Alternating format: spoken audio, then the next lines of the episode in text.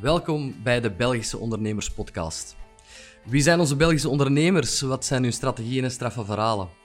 Welke leuke momenten en donkere periodes hebben ze al meegemaakt? We kennen allemaal de historiek van uh, topondernemers als Mark Koeken, Willy Nases en noem ze maar op. Maar wat speelt er bij de gemiddelde KMO, de kleine zelfstandige of evenzeer de start-up? Mijn naam is Christophe Roggen. Ik ben zelf ondernemer, zaakvoerder van Document Print Solutions. En in deze podcast interviewen we geregeld een Belgische ondernemer die dag in dag uit keihard aan zijn of haar bedrijf werkt. Of niet en dat uitbesteedt aan anderen. Wees klaar voor een hele race tips, nieuwe inzichten en een kijk op de realiteit in onze Belgische ondernemingen. Enjoy! Hallo iedereen, welkom bij een nieuwe aflevering van de Belgische Ondernemers Podcast, aflevering 57. En vandaag toch wel een zeer interessante gasten. gasten. Um, u heeft allemaal al wel verantwoordelijkheden gehad over bepaalde mensen, een aantal mensen. Ik ook, maar nog nooit over 900 mensen. U kent allemaal ook wel de naam Lunchgarden.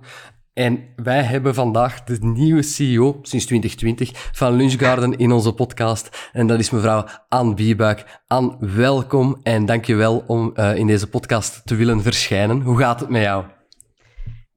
Dankjewel voor eerst. Uh, het gaat goed met mij. Um, omwille van uh, zeker en vast een goede gezondheid. Daar start uiteindelijk zoveel mee. En ook omdat we toch merken, hey, de dagen beginnen wat te korten, het wordt wat donker.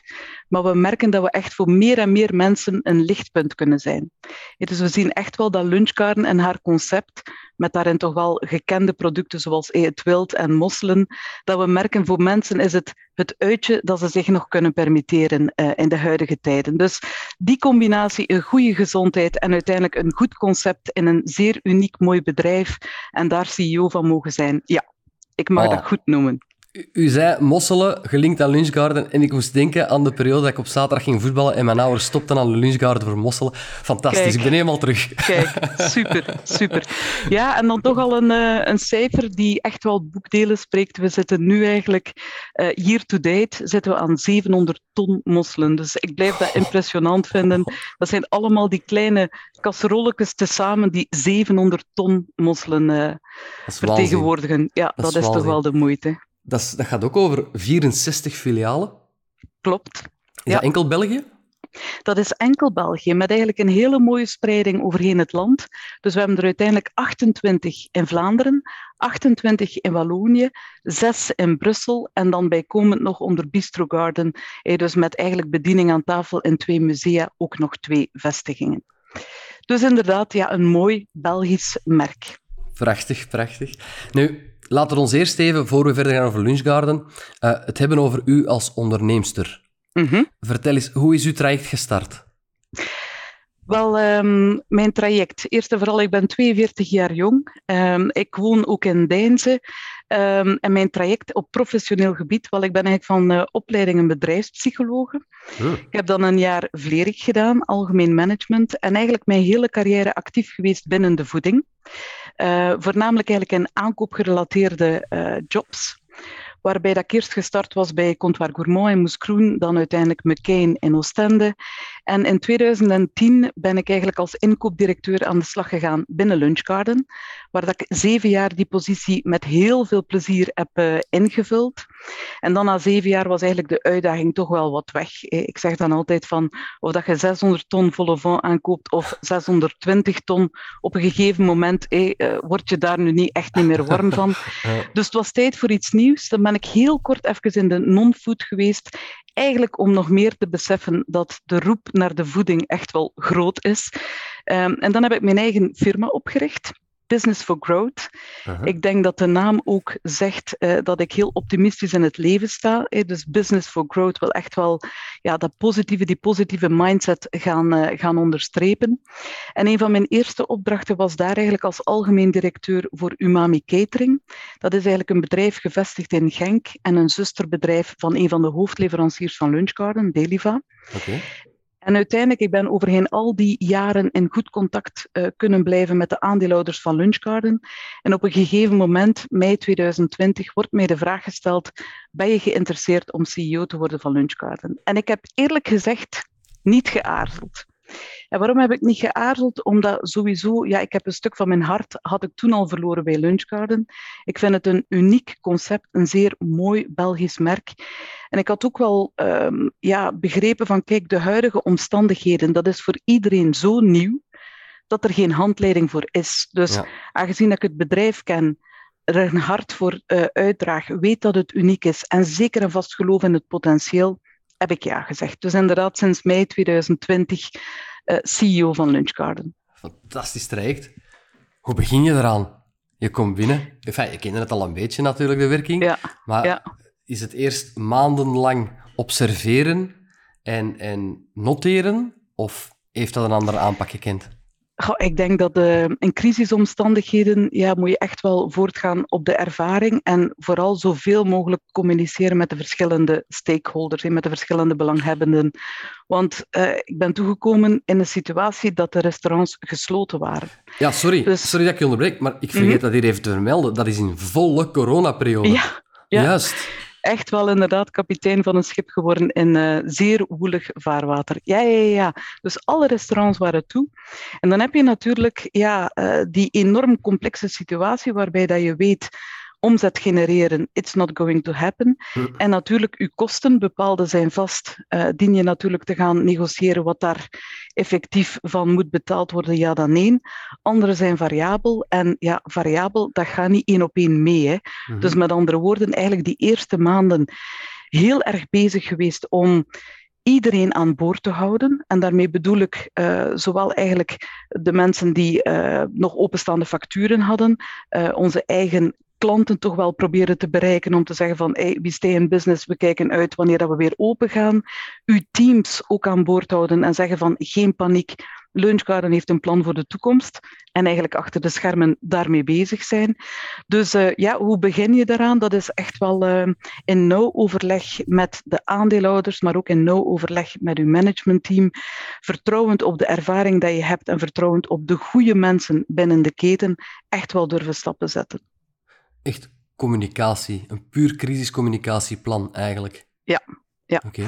Ik uh, geloof heel sterk in, uh, je kan nooit te veel communiceren, maar het is vooral eigenlijk blijven perspectief bieden aan die verschillende partijen. Want communiceren om te communiceren, ja, daar, heeft niet, ja.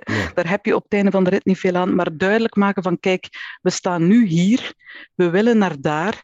Jullie hebben daar eigenlijk ook alle belang bij, maar daartoe vragen we echt wel om gezamenlijk in een open sfeer te kunnen kijken ja, hoe we toch complementair kunnen zijn en hoe we dus eigenlijk samen uit die crisis geraken. Dat is eigenlijk doorheen de laatste 2,5 jaar echt wel, uh, heeft dat een enorme tijd gevraagd, maar het laat ons ook toe om nu eigenlijk te zeggen, kijk, anno 2022, ah, we zijn nog in business, ja. de restaurants zijn allemaal open, we hebben een stijgende omzet en vooral, we hebben echt wel die partnerships. Bepaalde partners van vroeger zijn geen partner meer vandaag, bepaalde nieuwe zijn eraan toegevoegd, maar in ieder geval, we hebben een versterkte basis om nu te gaan opbouwen. Super. Wat heb je veranderd? Wat was het plan? We staan vandaag hier, we willen naar daar. Wat zijn Wel, de eerste stappen? Ja, dat is een. Uh, als ik zo een keer uh, de verschillende verwezenlijkingen uh, op een rijtje zet, dan zijn die ook op verschillende niveaus te situeren. Hè. Eerst en vooral, um, en dat, dat, ging samen met een heel transformatieplan, hebben we een nieuw organigram gelanceerd in 2021. wil eigenlijk zeggen dat we één functie bijgecreëerd hebben op managementteamniveau en dat was een academy.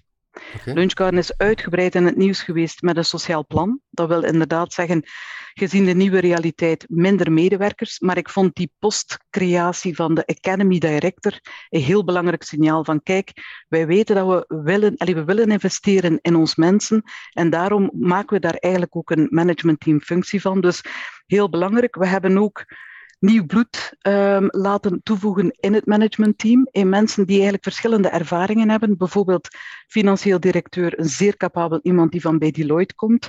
Um, die effectief ook met totaal nieuwe inzichten ons vooruit helpt. Uh, onze procurement director, die uh, sinds juli is gestart, ook een nieuw bijgecreëerde functie. Die komt van Recticel. Dus dat zijn hele andere uh, sectoren, Ja. maar zij brengen ook echt wel een frisse kijk op een realiteit die voor mij gelukkig gekend is. Maar dat is wat dat je nodig hebt, om ook een keer te durven zo die ambetante vragen te stellen en dus te moeten beantwoorden. Dus eerste grote wijziging, organigram. Zorgen dat je organisatie echt wel klaar staat en dat je het juiste team aan boord hebt. En dat is niet zonder slag of stoot gegaan. He, voor alle duidelijkheid, dat is fase per fase. Niet te veel in één keer proberen doen. Bouwen en investeren en vertrouwen geven aan de mensen, zodanig dat ze zich ook kunnen ontplooien. Dus dat is echt wel een zeer intensief traject, ook als CEO. Een tweede uh, verwezenlijking is sowieso richting de klanten. A, echt wel duidelijk maken van, we zijn er nog. Hè. Mm Met, met reclamecampagnes of zo met reclamecampagnes. En uh, ja, ik ben eigenlijk wel heel trots op de reclamecampagne dat we dit jaar live hadden op tv. En dat we eigenlijk ook gelukkig nog in het najaar ook gaan hebben. En die heeft eigenlijk een insteek ook van Lunchgarden, dat is een en-en verhaal. En daar hou ik echt wel van. dat is ook zo in die mindset van business for growth. Dat is echt van, je kan allerlei leuke dingen doen overdag en toch een hele lekkere maaltijd genieten als je effectief de combinatie maakt om naar lunchgarden te gaan. Dus tv-spot, iets waar ik prat op ga. We hebben ook de wonderwereld van de influencers uh, beginnen bewandelen, omdat we heel goed beseffen van, kijk, Lunchgarden heeft een heel trouw cliënteel, maar heeft ook nood aan nieuwe klanten. En we moeten daar niet flauw over doen. Dat uh, imago moet toch wat opgepoetst worden. We zijn daarmee bezig, maar dat is een lang traject. Dus die influencers die hebben een totaal ander bereik. En eerlijk gezegd, die brengen ons echt wel ook nieuwe klanten. Dus vind ik een tweede verwezenlijking richting uh, de klantenzijde. Derde is dat we de diversificatie nog altijd hebben kunnen laten standhouden. Dus we hebben nog altijd twee hospitalen binnen de Lunchgarden uh, uh, NV en we hebben uiteindelijk ook Bistro Garden nog altijd met de twee restaurants binnen de musea. En dan vierde, zeer belangrijk, ja, uiteindelijk de staat of de overheid heeft wel bepaalde steunmaatregelen gegeven, maar eigenlijk veel te weinig om ons in business te houden, want wij zijn tien maanden gesloten geweest. Overal, dat is gigantisch. Dus zeker en vast een van de verwezenlijkingen is dat de nieuwe aandeelhouders, die aandeelhouders zijn sinds 2021, geloven in ons middellange termijnplan en dan ook bereid zijn bevonden om ons echt te blijven ondersteunen ook financieel. Want eerlijk gezegd, zonder extra cash-injecties was het quasi onhaalbaar geweest om aan alle engagementen te voldoen. Ja, dat versta ik. Dat is ongelooflijk, tien maanden sluiten. Ik wil niet weten wat een overheid is, maar dat is waanzin. Daar moet enorm veel stress geweest zijn op dat moment. En dan is het aan jou om kalm te blijven en de lijnen uit te zetten. Speelt uw opleiding van psychologen daarin mee? Ik denk eerlijk gezegd eerder het traject en eh, constant eigenlijk open te staan voor andere meningen. Ik denk gelijk welke opleiding dat je volgt, of dat nu aan de hogeschool is of aan de universiteit, het leert u om op een andere manier na te denken, om meer gefundeerd na te denken. Um, achter mijn opleiding bedrijfspsychologie had ik wel begrepen van eigenlijk is dat studeren voor personeelsdirecteur te worden. Ik heb niet voor niets het jaar Vlerik erbij gedaan, omdat ik zoiets had van ik wil het toch breder zien. Um, maar het helpt sowieso als je gewoon er al bij stilstaat van kijk, je kan maar vooruit geraken als je eerst ook goed begrijpt hoe de andere partij erin staat. Ja. Dus het is eigenlijk voornamelijk ook durven blijven evolueren, durven af en toe ook een keer uw mening bijstellen. En zeker in een, in een situatie van crisis niet op je eigen eiland blijven, maar vooral uitreiken is zeer intensief. Um, een van de belangrijkste elementen daarin vond ik ook altijd om met heel veel positieve energie naar gesprekken te gaan, hoe moeilijk ook omdat ik besefte van, kijk, als je wil hebben dat je toont dat je gelooft in de toekomst van dat bedrijf, dan ja, dient uw energie dat ook te weerspiegelen. Wat dat je mhm. zegt natuurlijk, maar ook ja, als je daar zit alsof dat je het al hebt opgegeven, ja, uh, de helft van de boodschap is ook effectief daar zeer overtuigd zitten en zeggen van kijk, voilà, dat hebben we al gerealiseerd, we willen daar naartoe, we willen nu meenemen. Een beetje de bright future in een van de grootste crisissen dat ook dit bedrijf sinds daar ontstaan in 1966 ooit heeft gekend. Hè. 66 al. Want u, spreekt, u spreekt daar net van, we, we moeten de klanten één behouden, twee meer mhm. klanten naar Lunchgarden kunnen uh, trekken. Ja. Datzelfde geldt volgens mij ook met personeel. Of vergis ik mij daar in de zin van, er is gewoon in heel België en, en bijna wereldwijd een personeelstekort. Hoe mhm. zitten jullie daarop in? Hoe we daarop inzetten, wel zeker en, en vast uh, in een omgeving dat we hebben afgeslankt met een sociaal plan, was het zeker minstens even essentieel om ook behoud van onze goede medewerkers te kunnen garanderen. Ja, sowieso, een grote keten heeft op zich ook het voordeel dat hoe raar het ook klinkt, want je bent een, bedrijf uit de crisis of door de crisis aan het leiden. Maar heel veel mensen weten toch van ah, de kans dat ik in een groot bedrijf op het einde van de maand mijn verloningstip gestort krijg, is toch nog altijd veel hoger dan in vele kleine horecazaken. Dus dat blijft een troef dat we hebben. En effectief maximaal communiceren. We hebben uiteindelijk, we noemen dat de Lunchgarden Family. Um, ook in tijden dat we gesloten waren. En dat is dan, helaas was dat toen meestal nog met de post. Dat zijn dan allemaal momenten dat je denkt, god, we zouden moeten kunnen digitaliseren. Um, waar dat we nu ook mee bezig zijn. Maar uiteindelijk, die communicatie, uh, elke maand stuur ik ook een, een, boodschap uit waarbij dat we aangeven waar staan we eigenlijk op elk van onze groeiassen, bewust gedefinieerd als groeiassen, waarbij dat het investeren in de teams, het investeren in de kwaliteit, meegroeien met de klant en het monitoren van onze resultaten, dat zijn zo de vier noemers waar dat consequent eigenlijk op aangeeft, dat is de evolutie. Is dat voldoende? Houdt dat uw mensen aan boord? Op zich is dat een belangrijk element, maar natuurlijk alle andere condities dienen ook ingevuld te worden. Dus ik heb niet de pretentie om te zeggen dat wij geen uh, rotatie hebben eh, op het einde van de rit, zeker en vast wel. Maar we zijn er ons wel van bewust dat de goede mensen aan ons binden, door ze eigenlijk ook echt te tonen van we investeren in jullie op verschillende manieren, dat dat wel ook naar de toekomst toe zeer belangrijk zal zijn. Juist op 900 mensen geen rotatie hebben, dat zou zelfs belachelijk zijn. Dat, dat zou... Uh, nee, nee, nee, nee. Dat is een, ja. Je, je dan zou er mogelijk een ander probleem zijn. Ja, voilà. je, je, noemt ook familie. Uh, dat vind ik heel mooi. Hoe vaak bezoek je je familie zo? Ik bedoel, zie jij je medewerkers jaarlijks of ga jij elke maand langs een filiaal? Zijn dat dingen waar jij mee bezig bent of is dat eerder ja, iets dat jaarlijks gebeurt? Ja. Ik vind dat heel belangrijk ook. Mhm. Uiteindelijk, uh, we zitten hier weliswaar in de toeren in Evere, maar het niet laten de indruk, indruk wekken dat wij een ivoren toren zijn, ja, je kunt dat maar doen door ook af en toe echt een keer in de restaurants te gaan en niet blindelings te vertrouwen op je operations team. Dus dat doe ik zeker en vast. Ik doe het ook in de weekend samen met het gezin. En ik heb ook altijd de gewoonte om dan achteraf eigenlijk een mailtje te sturen met de dingen dat ik goed vond. En ook toch altijd zoiets van, dat, dat kan nog beter. Ja. Uh, kwestie van ook altijd te blijven groeien. Dus, uh, en iets waar dat ik echt wel prat op ga, omdat het een, een groeps, allee, echt wel een team effort is geweest. En we gaan het ook opnieuw doen in januari. Dat is als we weten dat het kritiek is voor eigenlijk de mensen en hun vertrouwen in onze onderneming. Want ja, we komen van ver.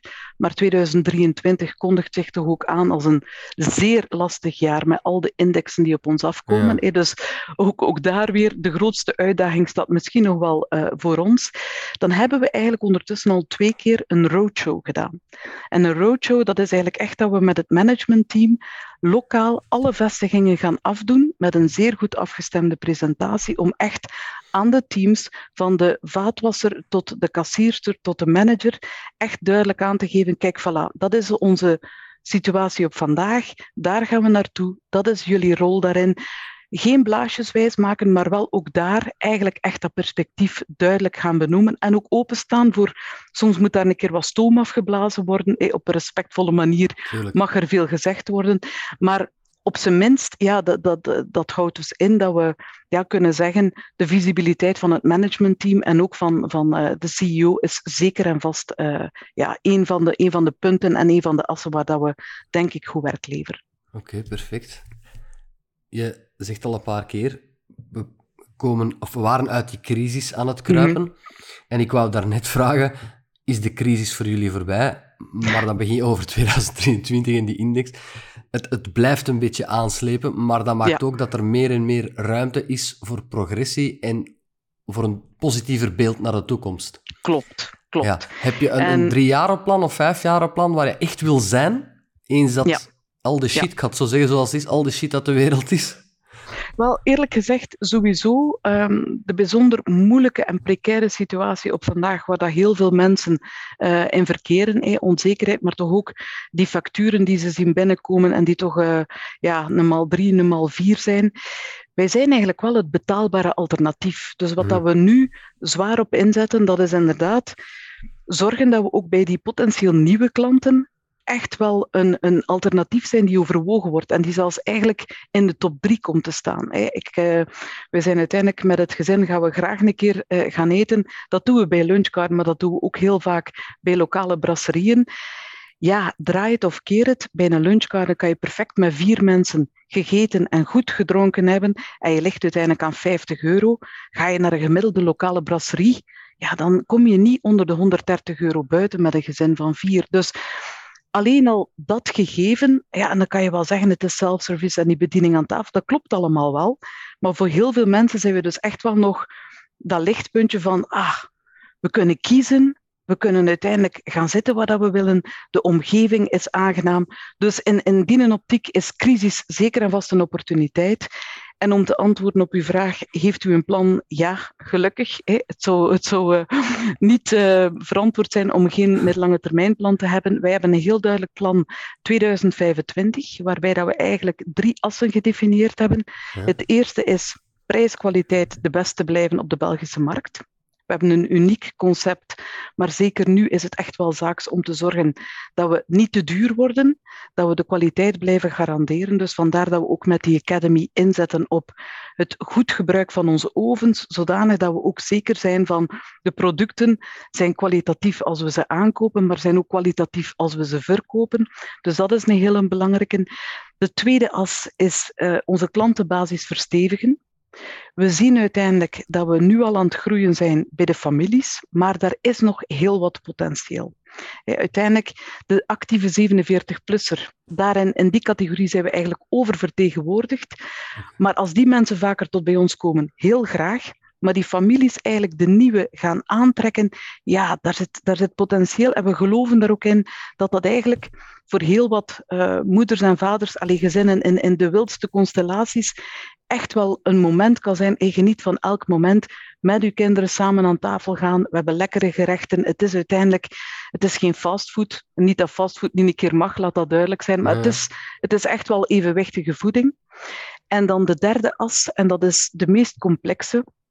Dat is eigenlijk om te evolueren naar een future-proofed lunchgarden.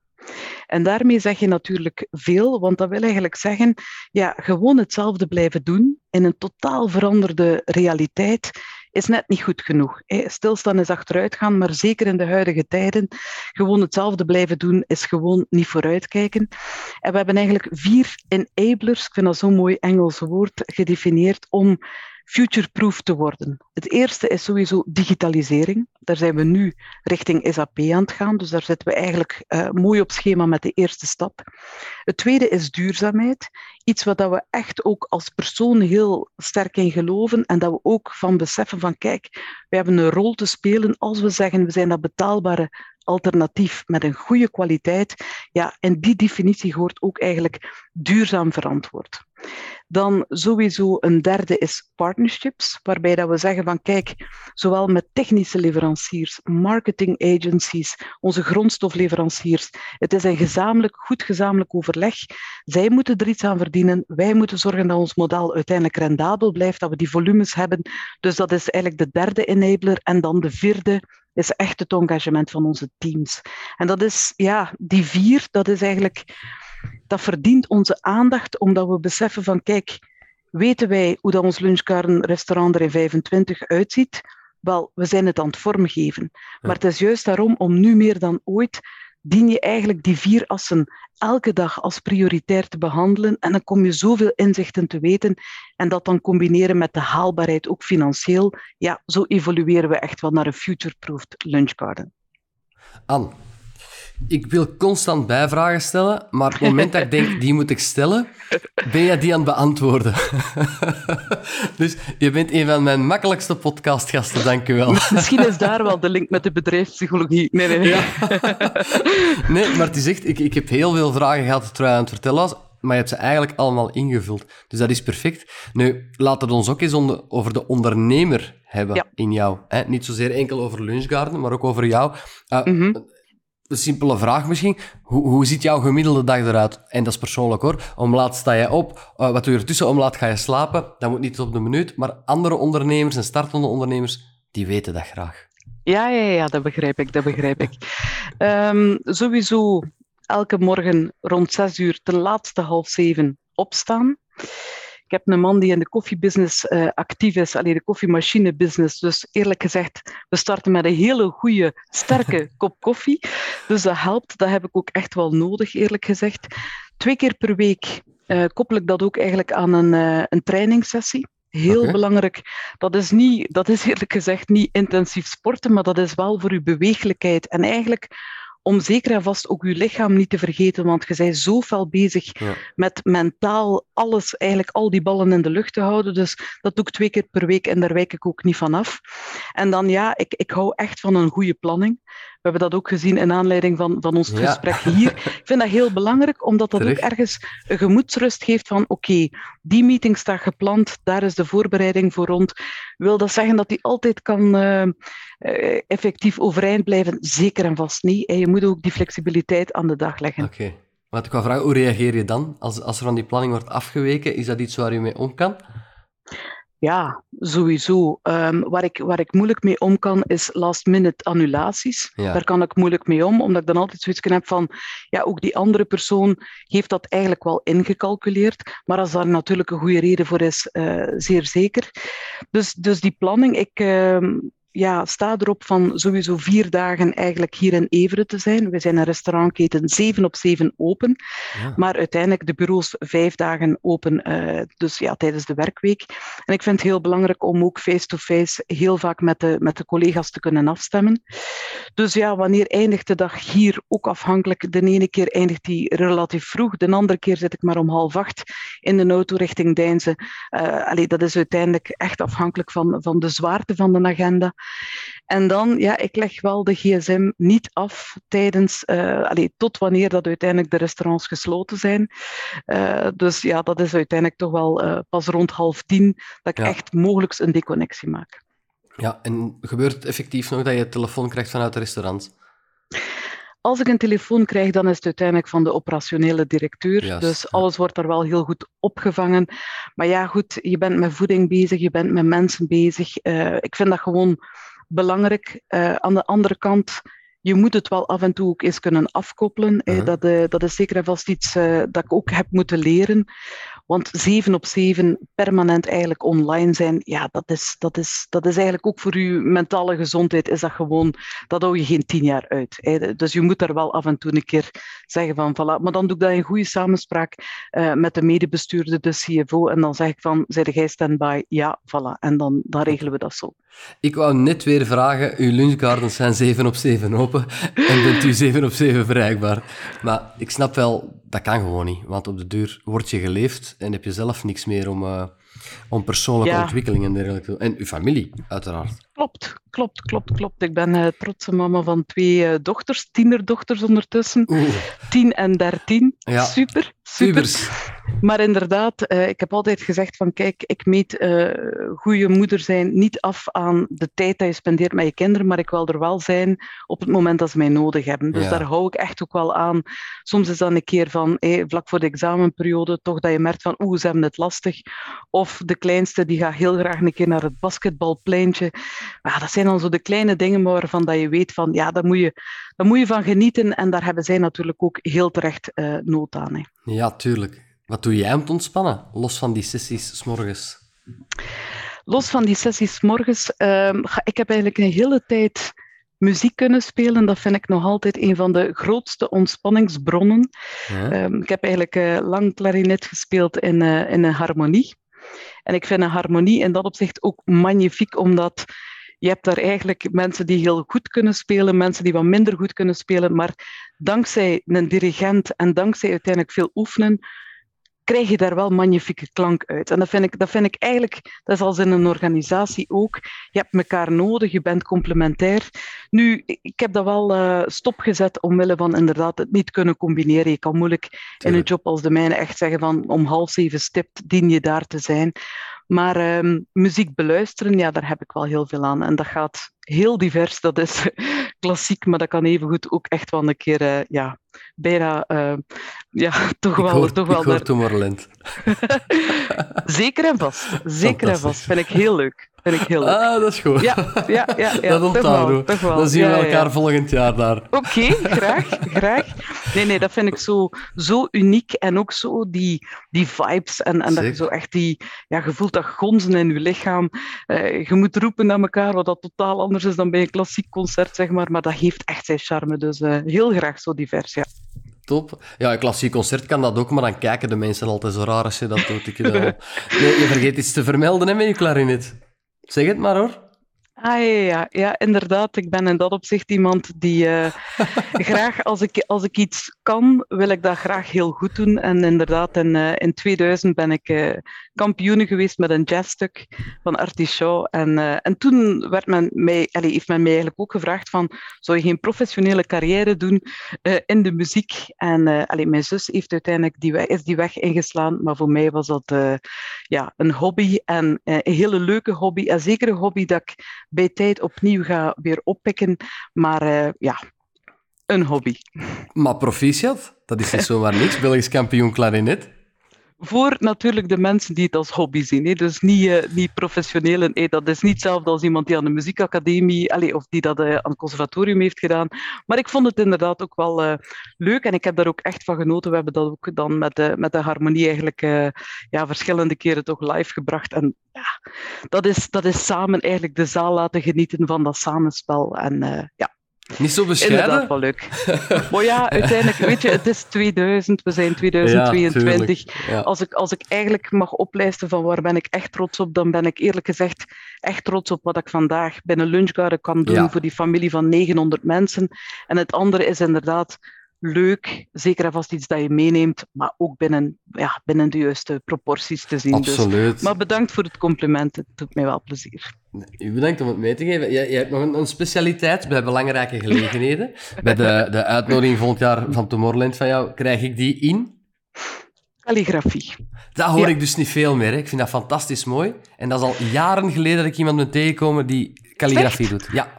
En wel, kijk, uh, maar let op, ook daarin, het is mijn eigen variant van calligrafie, maar ik vind eigenlijk, uh, ja, als je, als je zo dan zelf die enveloppen schrijft, en ik heb er toch uh, op een bepaald moment een keer meer dan 100 geschreven, gaat ook redelijk in een, in een goed snel tempo, ja, dat wordt echt geapprecieerd. Um, en, en dat is ook gewoon fijn. Dat is ook weer een uiting ja, van, van een bepaalde creativiteit. Hè. Ja, absoluut. Dat is wel zo. Dat absoluut. is wel zo. Eigen versie van, dan denk ik dat ik het ook kan. Ja, nee, nee, nee. nee. inderdaad. Ik denk, ik, denk, ik denk echt iemand die geschoold is in calligrafie, die gaat zeggen, ja, de C moest een beetje schuiner en daar moest een streepje tussen. En, maar dan denk ik, weet je, uiteindelijk, je geeft dat vorm, je, je neemt de tijd om dat met de juiste calligrafiepennetjes te doen. Ja. Iedereen vindt het leuk om te krijgen. Voilà, dat is dan inderdaad mijn variant van de calligrafie. Okay, ja. Fantastisch. Heb jij nog tijd om, of, of lees je nog? En is dat dan om bij te studeren of ook om te ontspannen? Zijn er bepaalde boeken die met Lunchgarden als... Uh, uh, ik zal het anders vragen. Je werd CEO van Lunchgarden. Hebben bepaalde boeken of podcasts of dergelijke jou geholpen met het maken van een bepaalde visie? Of is het eerder ontspanning? Goh, ik lees relatief weinig, eigenlijk okay. te weinig. Waarom? Omdat als ik thuis ben, ja, dan uh, wil ik inderdaad ook wel met het gezin bepaalde dingen doen. En dan vind ik dat altijd wat moeilijker om toch dan eigenlijk in, in, in een boek uh, verzonken te geraken. Waar ik eigenlijk heel veel van leer, dat is echt van opnieuw de afstemmen met bepaalde mensen. Ik, uh, in gelijk welke fase en in gelijk welke functie dat ik heb uitgeoefend, heb ik altijd kunnen beroep doen op één of twee mensen dat ik echt in vertrouwen bepaalde vragen kon stellen. Mentors? En, ja, ja. Okay. officieel zouden ze zich zo niet noemen. Maar, en dat zijn dan soms mensen die een inzicht aanreiken waarvan dat ik denk, kijk, op dit moment is dat het inzicht dat ik inderdaad diende te krijgen. En hoogstwaarschijnlijk komt het ook wel ergens uit een boek. Um, ik heb ook echt wel de ambitie om wat meer te gaan lezen, want ik vind, dat, ik vind dat ook echt verrijkend. Maar op vandaag is het niet een van de manieren voor mij om te ontspannen. Omdat ik dan in die periode eigenlijk, ja, liefst wat anders doe. Muziek ja. beluisteren bijvoorbeeld, of naar dat basketbalpleintje gaan met mijn dochter. Oké. Okay. Ben je zelf mentor voor iemand? Ik ben eigenlijk uh, vragende partij om mentor te worden van startende ondernemers. Want ik vind dat idee, vind ik eigenlijk ook wel op een bepaald punt heb je zoiets van, goh, als je vragen hebt, contacteer mij maar. Ik vind dat gewoon leuk. Hè. Ik ben al een paar keer nu ook gevraagd om, uh, om bij de Vlerik bijvoorbeeld een testimonial te gaan doen of uh, in een jury te zetelen. En dan denk ik altijd, je geeft inderdaad een stuk van je kennis, maar je krijgt automatisch ook nieuwe inzichten, omdat ja, dat is toch alweer een andere generatie. Je wordt ook gevoed. Dus ik, ik krijg daar zelf energie van en ik zou dat ook heel graag doen. Ja. Oké, okay, dat, is, dat is heel leuk. Dat is eigenlijk een oproep aan de luisteraar. Zo zou je het kunnen noemen, ja. De- maar niet allemaal veel- in één keer. Ja. nee. Nee, Ja, maar inderdaad. Ja. Er luisteren veel studentondernemers en startende ondernemers. Eh, mogen zij jou contacteren? Het zal niet allemaal tegelijk zijn, maar mogen ze aan mij jouw contactgegevens vragen? Ik zal het zo stellen. En Wel, ik moet eerlijk zeggen, ik ben heel actief op LinkedIn. Dus ik zou dan zeggen van, eh, ze mogen gerust een verzoek sturen en dan eh, zal ik toch ook eerst een keer kritisch screenen, hè, alvorens dat ik die toelaat. Maar dat is zeker en vast een van de opties. Jawel, zeker en vast. Heel tof. Er heeft, ik denk dat de Thierry van Google eh, ook zijn mentorship eh, heeft aangeboden in, eh, Mhm. in deze podcast. En Bert Wenes ook. Dus dat is altijd leuk. Die hebben daar ook reactie Ja. op gekregen. Ja. Maakt voor jou uit of dat uit een bepaalde sector of omgeving Nee, is? Of, echt niet. Echt niet. Ehm, en, en wat ik merk, en ik merk dat ook in mijn omgeving, dat is heel veel mensen spelen ook met het idee van ah, ik, heb, ik zou dat graag doen, maar dat ze de sprong niet durven wagen. Ja. En ik vind het zo belangrijk, allee, het zou natuurlijk zijn om al gestarte ondernemers mee te helpen begeleiden, maar ik denk dat er echt ook nood is eh, op de Belgische markt, en zeker ook in Vlaanderen, om mensen die met een idee zitten, en dan bedoel ik niet een uitvinding, maar die zo gewoon ja, iemand nodig hebben die zegt van geen nood met uw bagage en met die en die en die te contacteren. Het zij op freelance basis, het zij inderdaad omdat ik vind dat uw expertise daar heel erg bij aansluit. Daar is zo'n markt voor. En eigenlijk zijn er heel weinig mensen, zeker ja, als het niet gaat met een factuur die er direct bij samengaat, die daarin mensen begeleiden. Dus ergens heb ik zoiets van, ja, een keer dat je dan de sprong hebt gewaagd, ook dankzij andere mensen die tijd en ideeën met u hebben willen delen, dan is dat graag iets dat ik teruggeef. Sowieso. ja, heel leuk. Zit je zelf in bepaalde netwerkomgevingen? Sowieso ben ik een, een Vlerick-alumni. Eh, nu niet, niet zo heel actief, maar wel een Vlerick-alumni. En ik zit eigenlijk ook in het netwerk van Ethion. En dat vind Ah, ik dat een ik super interessant netwerk. Eh, dat was vorige week eigenlijk nog eh, bij de Verbeke Foundation een heel goed evenement. En dat is eigenlijk altijd dat is eigenlijk waardegedreven ondernemerschap.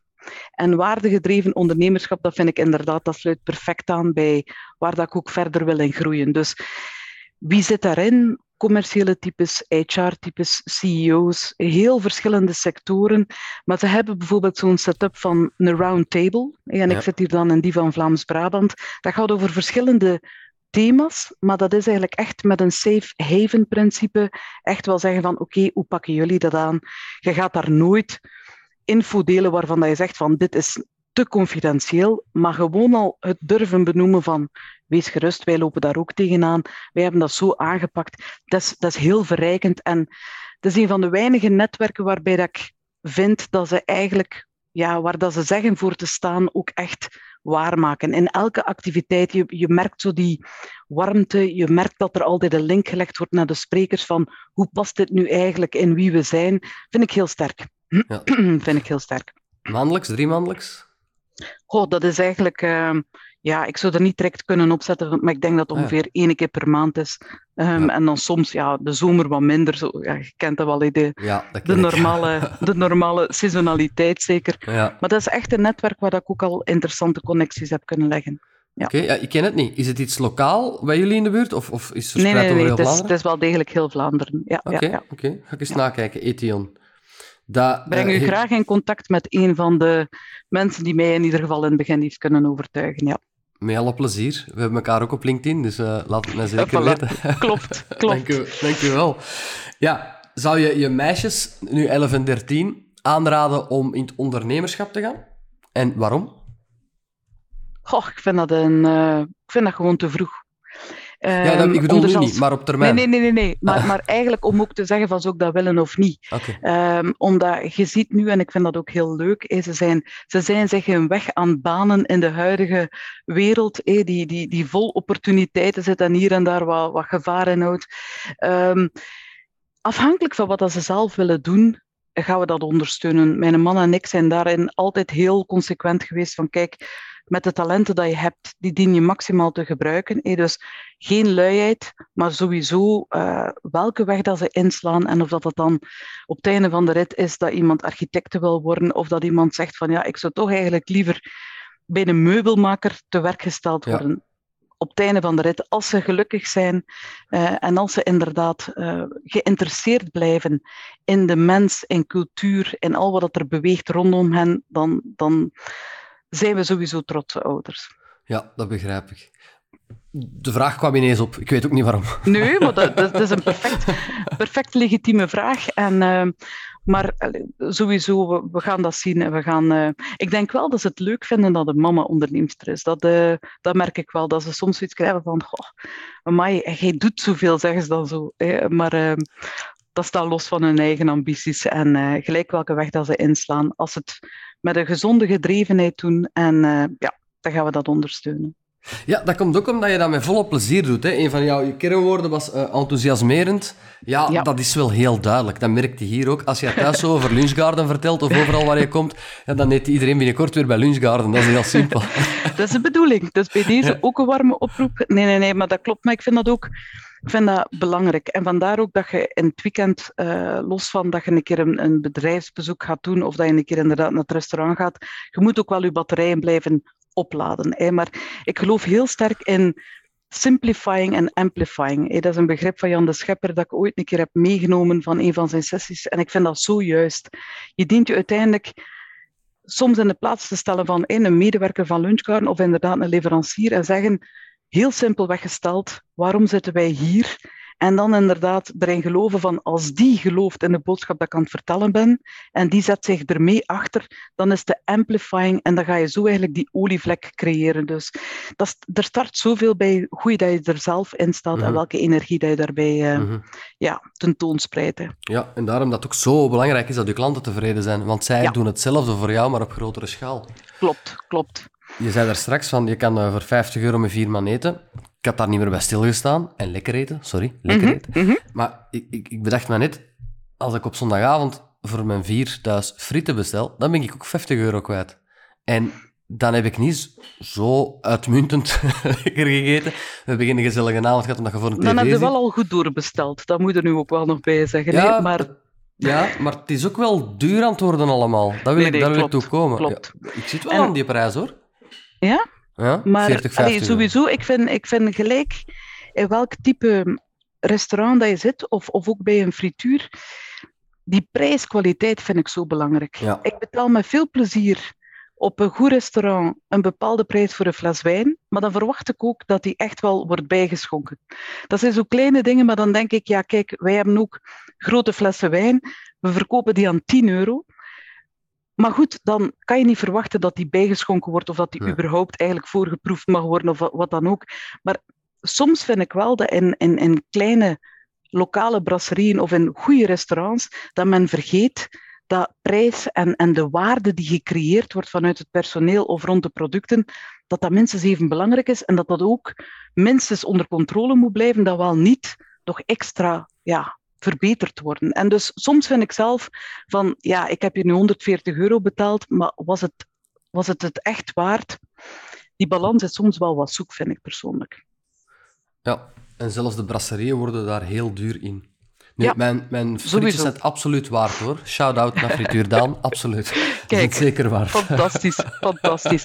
En uiteindelijk, dat is ook wel iets dat je zelf een keer moet gunnen. En, en allez, wie eet er met het gezin niet graag een keer frietjes van de frituur? Klopt. Dus eh, ik ben ook echt van de ingesteldheid, ook eigenlijk zelfs naar de conculega's toe. Zorgen dat je sterk bent in wat dat je doet en waarin dat je uniek bent, is veel belangrijker dan per se te zeggen van ja, maar als je naar de frituur gaat, dan zijn je niet naar lunchgarden geweest. Je gaat niet elke dag naar de frituur. Nee. Dus het is belangrijk dat je in ieder geval als een van de pistes om van het weekend of vrijdagavond een keer naartoe te gaan, lunchgarden overweegt. Dat is een andere insteek. Ja. En dat is ja, beseffen dat het een proces is. Hè. Ja. Als iemand... Het bestaat ongetwijfeld, maar we gaan ze heel moeilijk vinden. Maar je komt iemand tegen die Lunchgarden niet kent.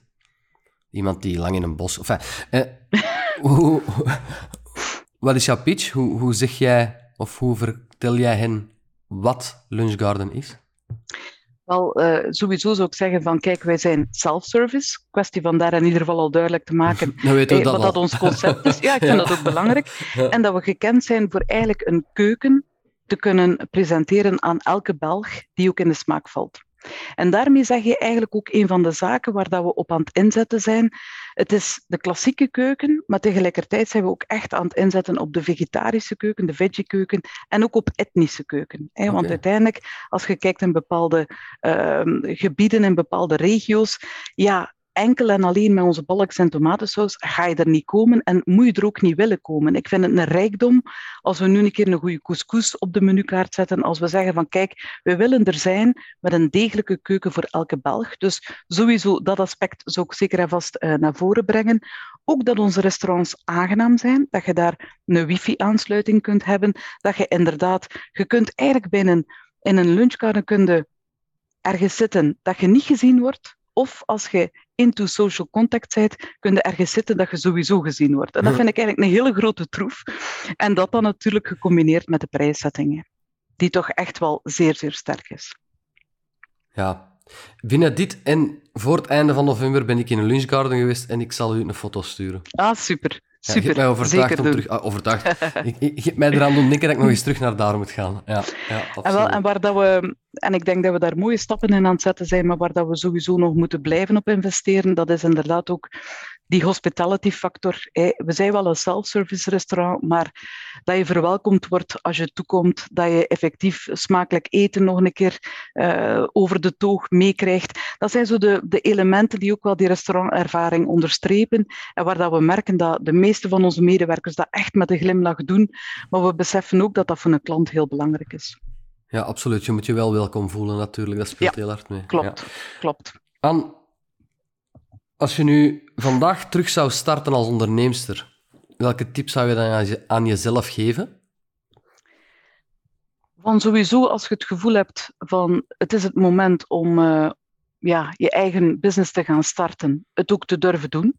Mhm. Ehm, maar persoonlijk vind ik het wel gezond, ook al heb ik alle appreciatie voor de studenten die starten als ondernemer. Ik vind dat aan de ene kant fantastisch, maar eigenlijk heb ik wel heel veel geleerd door eerst in, loondienst ergens te werk gesteld te worden, omdat je staat er toch op een andere manier in. Ehm, als je leergierig bent, je maakt bepaalde zaken mee en je wordt dan zelfstandig.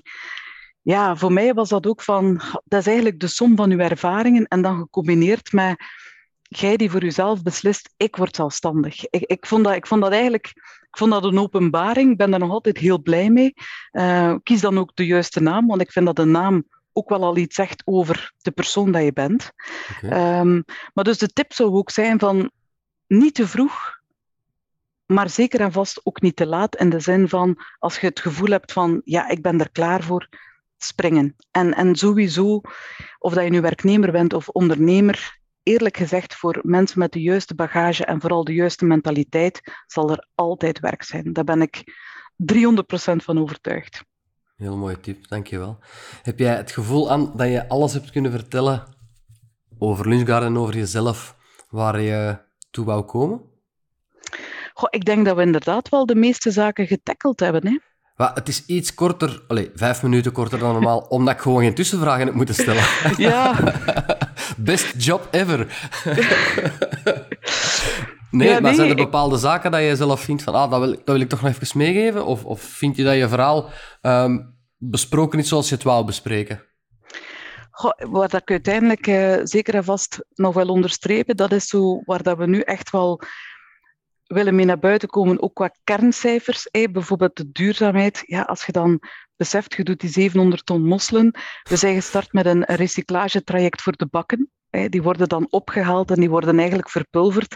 Ja, omdat je zo'n groot volume hebt, zitten we daar wel al aan 17 ton plastic die een tweede leven krijgt. Dus ergens, en dat vind ik ook super aan de job dat ik hier uitoefen, door de schaalgrootte moet je opletten dat je natuurlijk eh, een klein probleem niet groot maakt, maar heb je ook enorm veel opportuniteiten dat als je ze vastpakt, dat die ook wel direct zo'n schaalgrootte hebben, ja, dat dat inderdaad wel spreekt en dat je dus ook het verschil kunt maken. En dat, ja, dat is gewoon heel leuk. Dat Dat is een enorme impact heeft. Ja, dat snap ik Ja. dat dat heel leuk is. Ja.